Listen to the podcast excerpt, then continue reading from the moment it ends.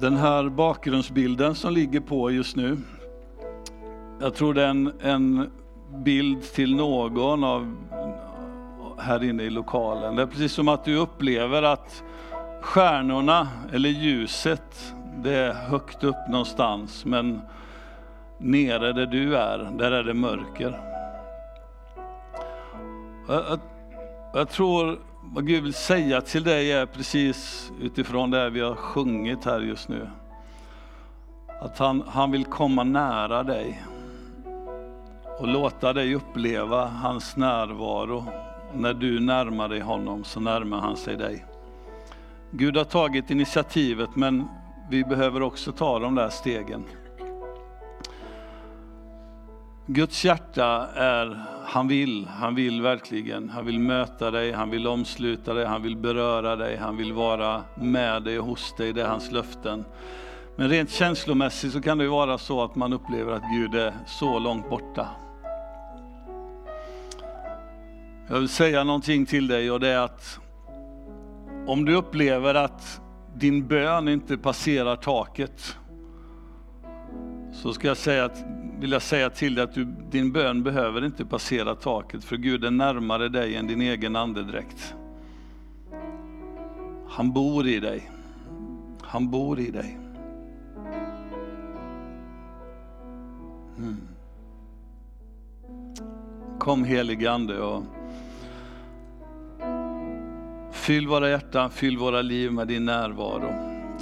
Ta Herre nu de här orden i den här predikan och, och låt den få tala in i våra liv. I Jesu namn. Amen.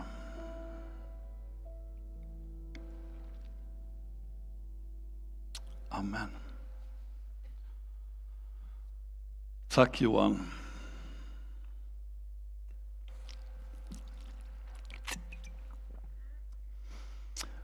Det här med bön. Bön kan vara det mest tråkiga som finns. Har du varit med om det någon gång? Bön kan vara supertrist och hur jobbigt och tungt som helst. Jag minns framförallt när jag var yngre hur vi låg på knä, eh, ofta i någon ring på något sätt och liksom med rumporna mot varandra. Så, eller ja, ni förstår.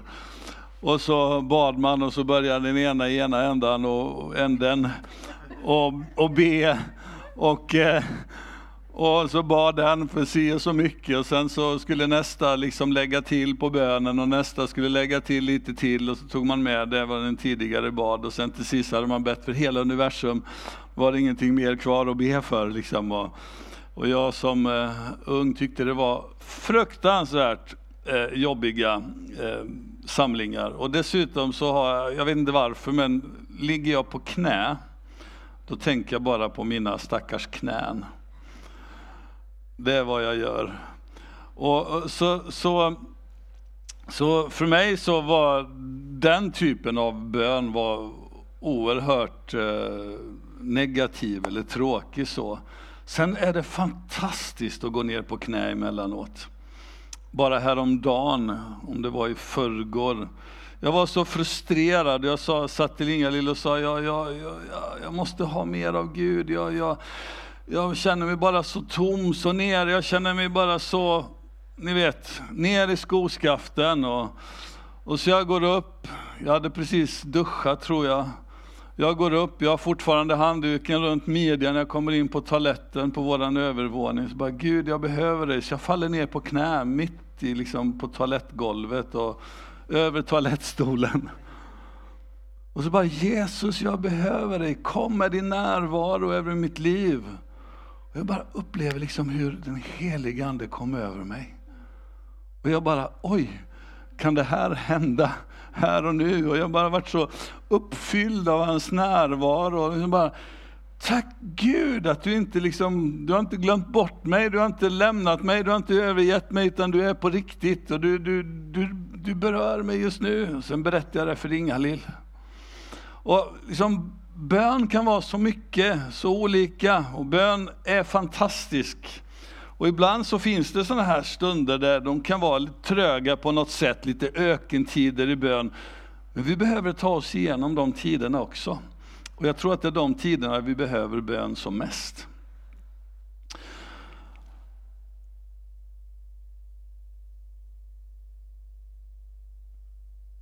Bön är gemenskap. Bön är kommunikation som jag sa innan. Bön är inte en monolog.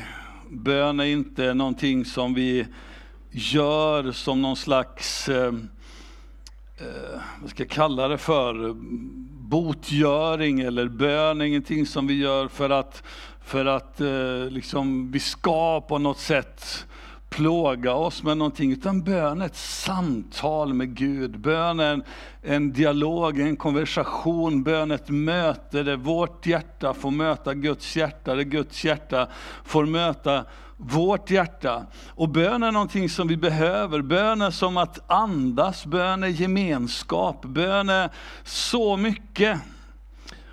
Och när vi tittar på vårt exempel Jesus. Jesus, han, eh, vad skrev jag, hade för vana att be.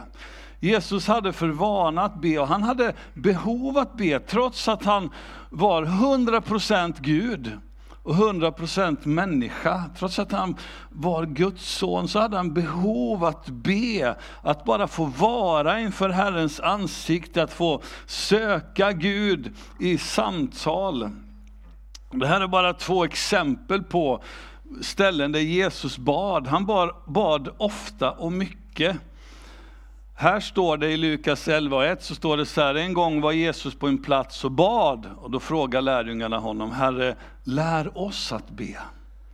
För de hade sett någonting i honom, hur, hur Jesus sökte Faderns ansikte, Faderns hjärta i bön. Och de säger, vi vill också be på det sättet som du ber. I Markus 1.35 så står det tidigt på morgonen så bad Jesus. Och det finns så många exempel på ställen där Jesus bara söker Gud i bön. Och bön genomsyrar Jesu liv så pass att till och med när han hänger på korset så ber han. Han ber och säger Fader förlåt dem för de vet inte vad de gör. Så bön, bön var motorn i Jesu liv. Bön, bön är någonting som, som fanns där hela tiden. Och vid något tillfälle eh, där man kom med en ung grabb till Jesus för att, att Jesus skulle hela honom och befria honom från onda makter. Och lärjungarna de hade inte lyckats med det här. Och, och så kommer man till Jesus och säger till Jesus, Jesus säger så här att den här, den här sorten, det här vi möter här, det går bara med bön och fasta.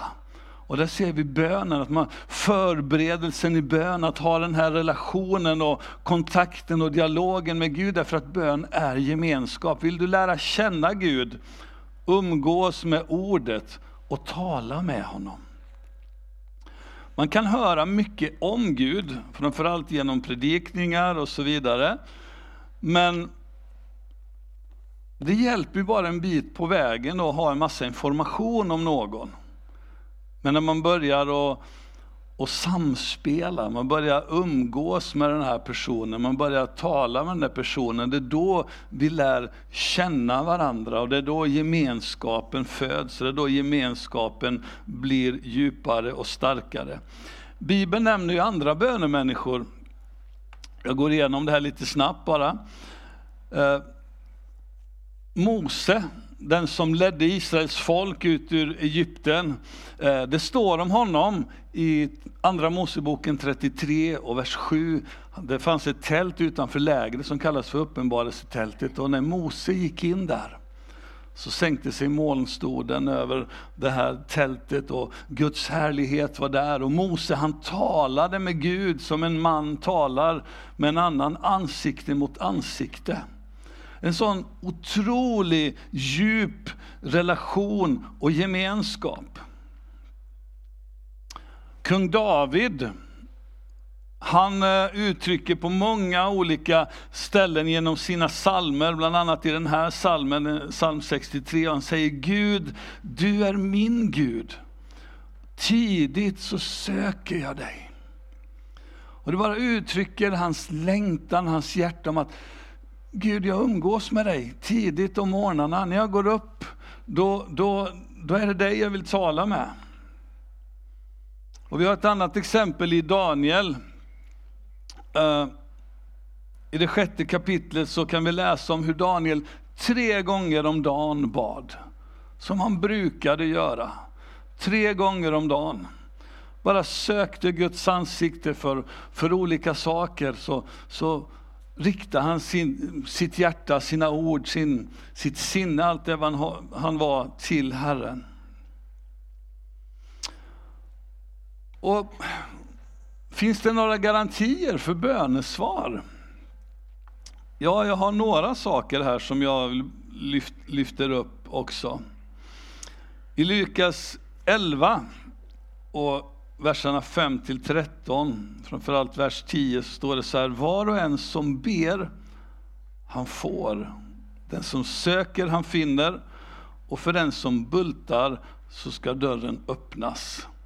Och det är Jesus som undervisar om bön och säger sök så ska du finna, be så ska du få, bulta så ska dörren öppnas. Och han uppmuntrar lärjungarna och folk runt omkring att söka Guds hjärta.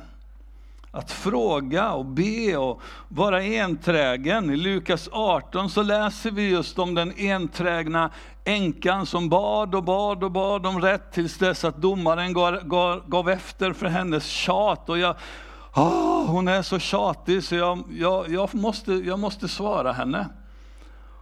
Och Jesus uppmuntrar dig och mig att vara som den här enträgna änkan. Bara komma igen och igen och igen och igen och igen och igen.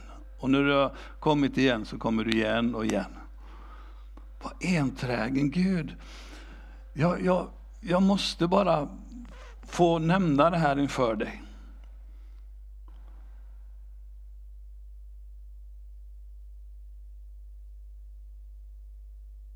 Det finns ju fler ställen som jag har bara tagit fram här, bibelord på.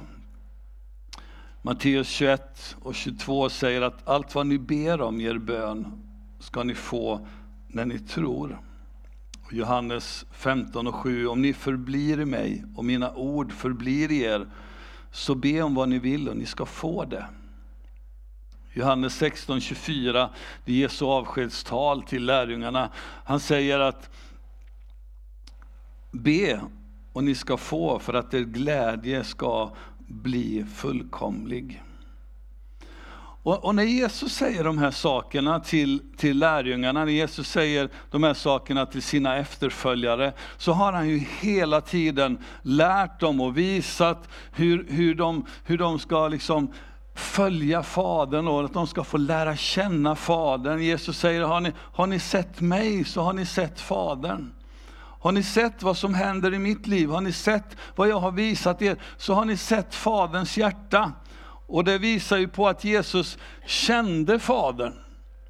I Johannes 11 så är det en väldigt speciell situation. Det är en vän till Jesus, Lazarus, som han är inte bara sjuk utan han har dött och han har legat död i flera dagar. Och Jesus närmar sig den här platsen, den här gravplatsen och, och systrarna till Lazarus, den ena efter den andra kommer, två stycken kommer inför honom och säger Jesus, hade du varit här tidigare så hade Lazarus inte dött. Och Jesus svarar henne, har jag inte sagt dig att om du tror så ska du få se Guds härlighet? Och så, så går Jesus fram till den här graven, ber dem plocka undan stenen. Och så säger han någonting väldigt märkligt i Johannes 11. Jag måste slå upp det här för jag kommer inte ihåg det utan till. I Johannes 11 så står det så här i, det, i vers 41. De tog bort stenen och Jesus lyfte blicken mot himmelen och sa Fader, jag prisar dig för att du alltid hör mig. Själv vet jag att du alltid hör mig men för att folket som står här ska tro att du har sänt mig, bad jag denna bön. Jesus hade ju utvecklat, inte bara för att han var en, eh, liksom Guds son, men som, Gud, som människa så hade Jesus utvecklat en relation, en gemenskap med Gud, Fadern, där han bara visste att Gud svarar på bön och Gud hör mig när jag ber. Han lyssnar till mig. Han, han, han har sitt öra till mig. Och på något sätt så krävs det ju en järvhet och det krävs en tillit skulle jag säga mer än järvhet. När vi kommer till Gud. Därför att komma till Gud med saker, det är att tro Gud för saker. Jag säger ofta det att tro är inte att pumpa upp några muskler, utan tron det är att vila, tron är att lita på. Och när du och jag kommer till Gud med olika saker, så, så uttrycker vi ju våran tro. Amen, är ni med på det? Vi uttrycker ju tro när vi, när vi utgjuter vårt hjärta inför Gud.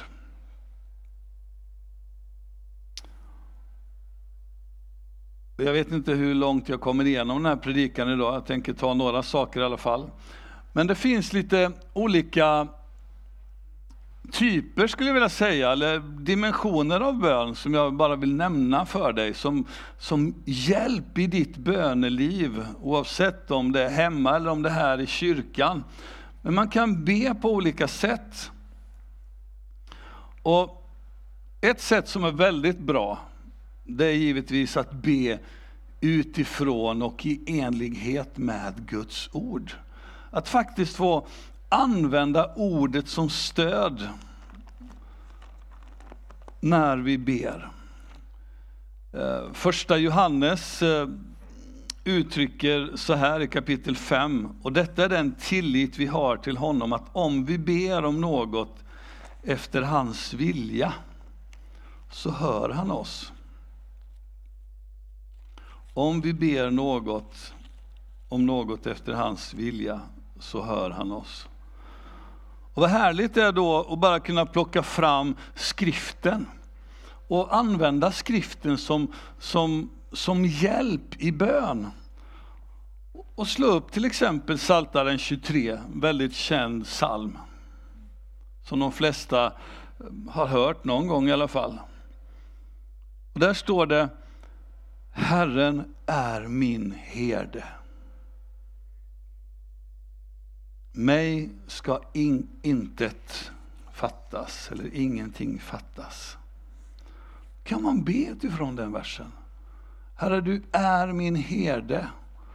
Herre, du ser att jag står utan arbete nu, eller vad det nu kan vara. Det här är ett behov som finns i mitt liv. Jag vet inte vad jag ska ta mig till. Men Herre, jag står på ditt ord. Du är min herde. Du ska inte låta mig fattas någonting. Och du har sagt det och därför kommer jag till dig. Det är ditt löfte.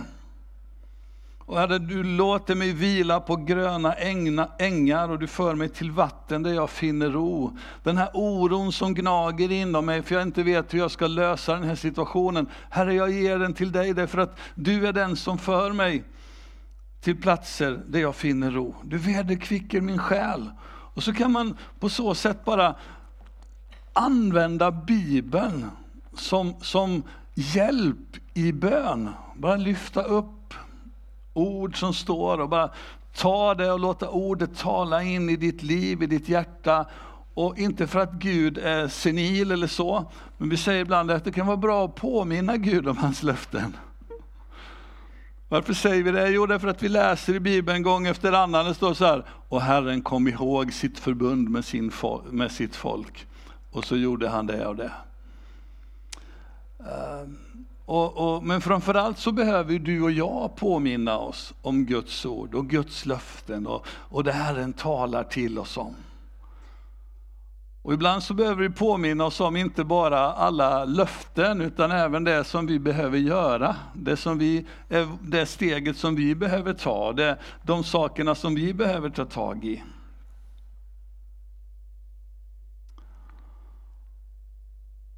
Och det det finns en styrka i att be utifrån Guds ord.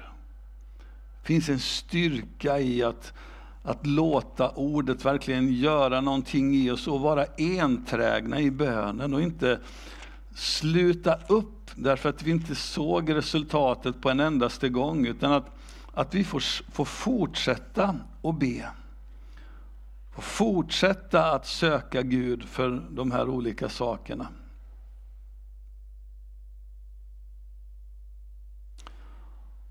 Och det finns en, jag har inte med det på väggen där, men det finns en berättelse från första kungaboken, eh, det 18 kapitlet, som jag återkommer till ibland. Och det är när profeten Elia, han har haft en, en, en konfrontation med Balsprofeterna. De har byggt varsitt altare och det har inte regnat på tre år. Och Elia han säger till den, den Gud som svarar på bön och sänder eld från himmelen så att det här offret som finns på altaret eh, brinner upp. Det är den sanne guden. Och Balsprofeterna de har bett jättelänge och det händer ingenting. Och så ber Elia. Eh, och så svarar Gud med eld ifrån himmelen. Och efter den här eh, incidenten så säger Elia, profeten, och han säger så här i den 41 versen. Eh, till kungen säger han då, bege dig dit upp och ät och drick, för jag hör bruset av regn. Han hade bara upplevt att Gud har sagt någonting i hans hjärta, att det kommer att regna. Det kommer, det löftet som Gud sa att regnet skulle komma. Det kommer, jag hör bruset av regn. Och så går Elia upp på, ehm, eller så står det så här eh, i versen efter, och Elias steg upp på Karmels topp och böjde sig ner mot marken med ansiktet mellan knäna. Och det är en speciell böneställning som jag inte brukar praktisera. Men han, han böjde sig med huvudet mellan knäna och så bad han. Och så säger han till sin tjänare, gå upp och se ut åt havet. Och han gick då upp och såg ut över havet, men han sa, jag ser ingenting. Och sju gånger sa han till sin tjänare, gå upp, gå ut och se mot havet, se om du ser någonting. Och när han kom dit sjunde gången sa han, se ett litet moln som en mans hand stiger upp ur havet. Då sa han alltså Elia, gå och säg till Ahab, spänn för och far ner så att inte regnet håller dig kvar. Och i ett nu blev himlen mörk av moln och storm och ett kraftigt regn föll. Och så fortsätter storyn då. Men hur, hur, hur Elia, han, han slutade inte upp. Han sa, jag hör bruset av regn. Gud har sagt att det ska regna och då ber jag utifrån det Gud har sagt. Jag liksom kopplar på det Gud redan säger. Jag hittar inte på min egen grej, utan vad är det du gör Gud? Det här är du på gång att göra och då vill jag koppla på det. Och det är lite grann att be utifrån ordet. Och så ger han inte upp, utan han ber och han ber och han ber och skickar iväg sin tjänare. Kolla, ser du, kommer det regn eller inte? Och tjänaren han kikar, nej det kommer inget regn. Och det, så händer det gång efter annan efter annan. Tills efter den sjunde gången, då kommer tjänaren tillbaka och säger, jag ser ett litet moln som en mans hand. Yes, nu är det här, säger Elia. Och, och, och jag vill verkligen uppmuntra dig att banka, bulta, söka, vara enträgen, fortsätt. Du kanske har någon bönelista hemma, du kanske har någonting som du har bett för i många, många år. Ge inte upp, fortsätt att be. Fortsätt att ropa till Gud. Du kanske ropar till Gud för, för dina barn, eller för din make, maka, för dina barnbarn, för dina släktingar. Eller för något. Vad det än är, fortsätt att ropa till Gud för det.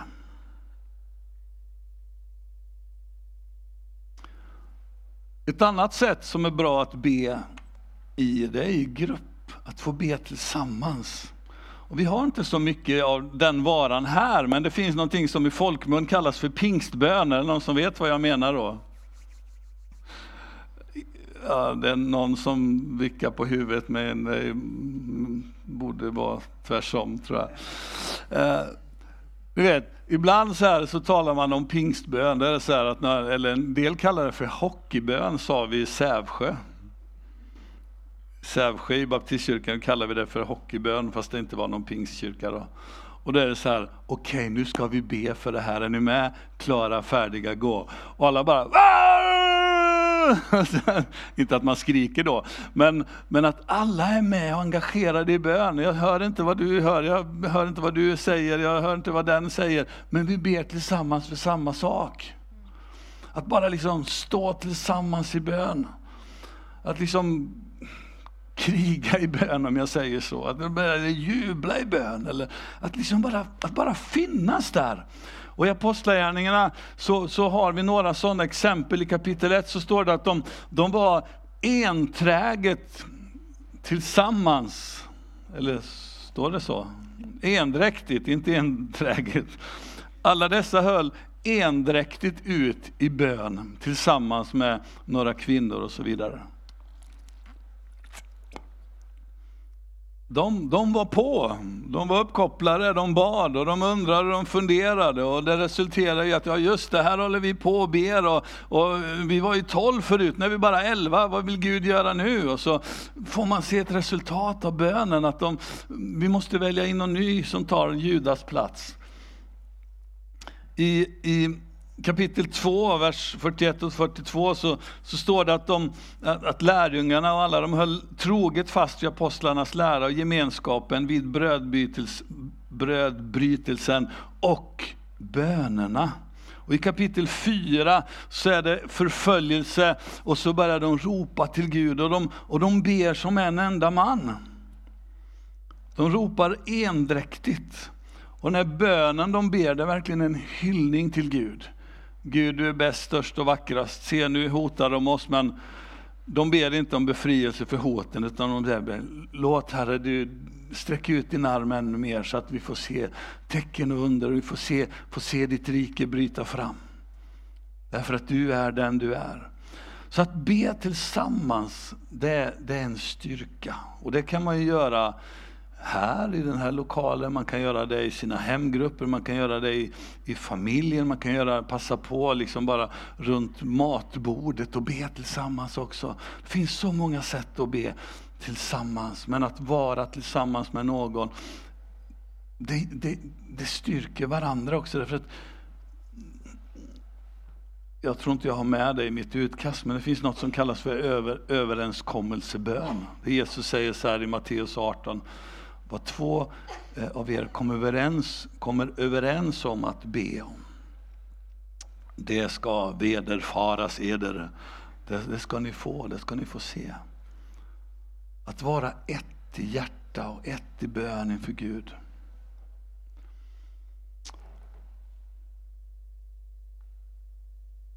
Jag kommer inte komma igenom de här nio punkterna som ni förstår. Hur många ska jag ta? Jag fortsätter lite till. Ja. Um, överlåtelsebön kallar jag det här för. Och uh, I Markus 14 så kan vi läsa om, um, om hur Jesus är i Getsemane trädgård.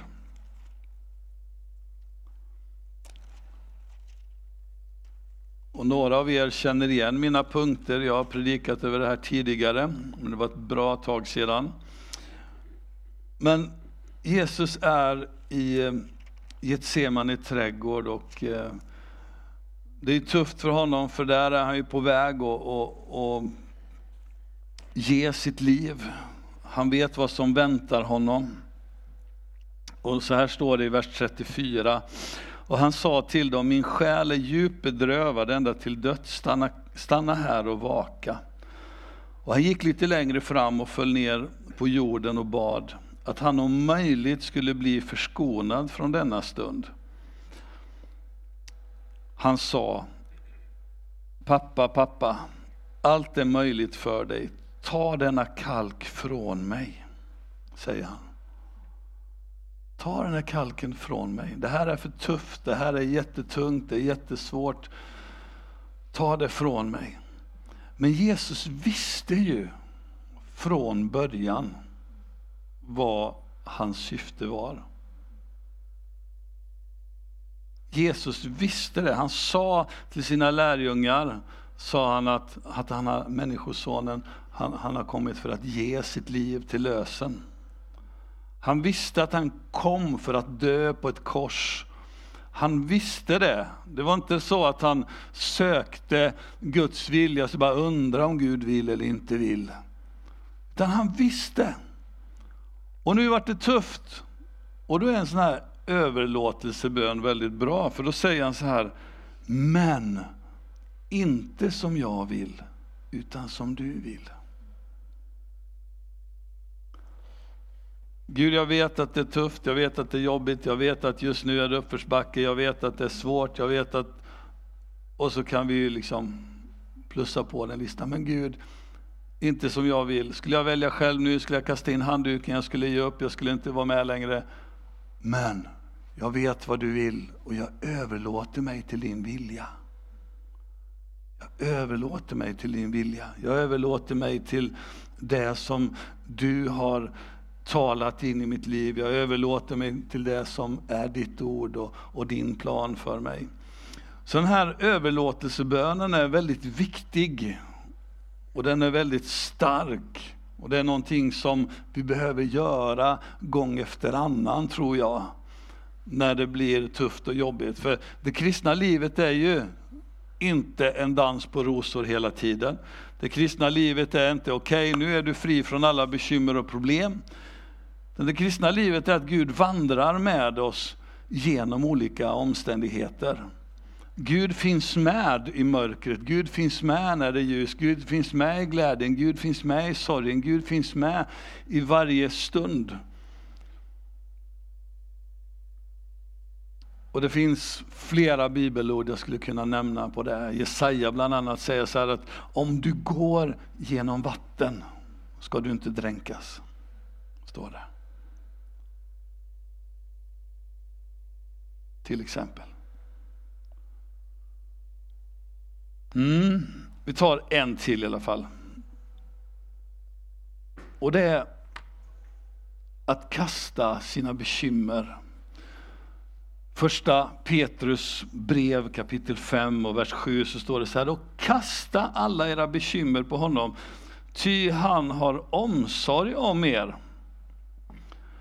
Det betyder att du behöver inte alltid söka själavård när du har lite funderingar och lite grubbel, utan Kasta det på Gud.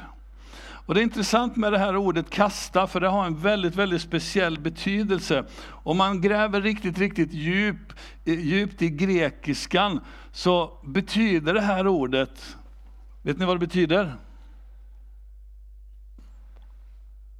Vet jag inte vem det hamnade på. Det betyder kasta. Och när du kastar bort någonting, när du går till din fina tunna som du har fått av, eh, vad de nu heter, som står hemma hos dig och du lyfter locket och kastar någonting där i och stänger, då har ju inte du för avsikt att få ta tillbaka det. Eller hur? Eller? Nej. Och faktum är att vad Bibeln säger till dig och mig, att kasta dina bekymmer på honom varför då? Det finns till och med en, en, en, ett varför där. Jo, därför att han har omsorg om dig. Ge bekymren till Gud. Och det är ju jättesvårt. Det här är nog det som de flesta av oss har svårast med. Inklusive talaren. Ni vet, när man börjar att bekymra sig och en del de på säga, jag ska inte säga vem då, men någon åker iväg hemifrån och sen så två minuter senare så hör man utryckningen. Och då undrar någon, nej nu överdriver jag. ja, men du vet, man kan ju oroa sig för så mycket. Man sätter sig på någon buss eller någon, någonting och bara undrar hur det här går. Jag undrar, kommer tåget fram i tid eller eh, blir det mycket trafik nu? Eller, eh, vet. Och man kan ju göra sig så mycket bekymmer och Bibeln säger, gör er inga bekymmer.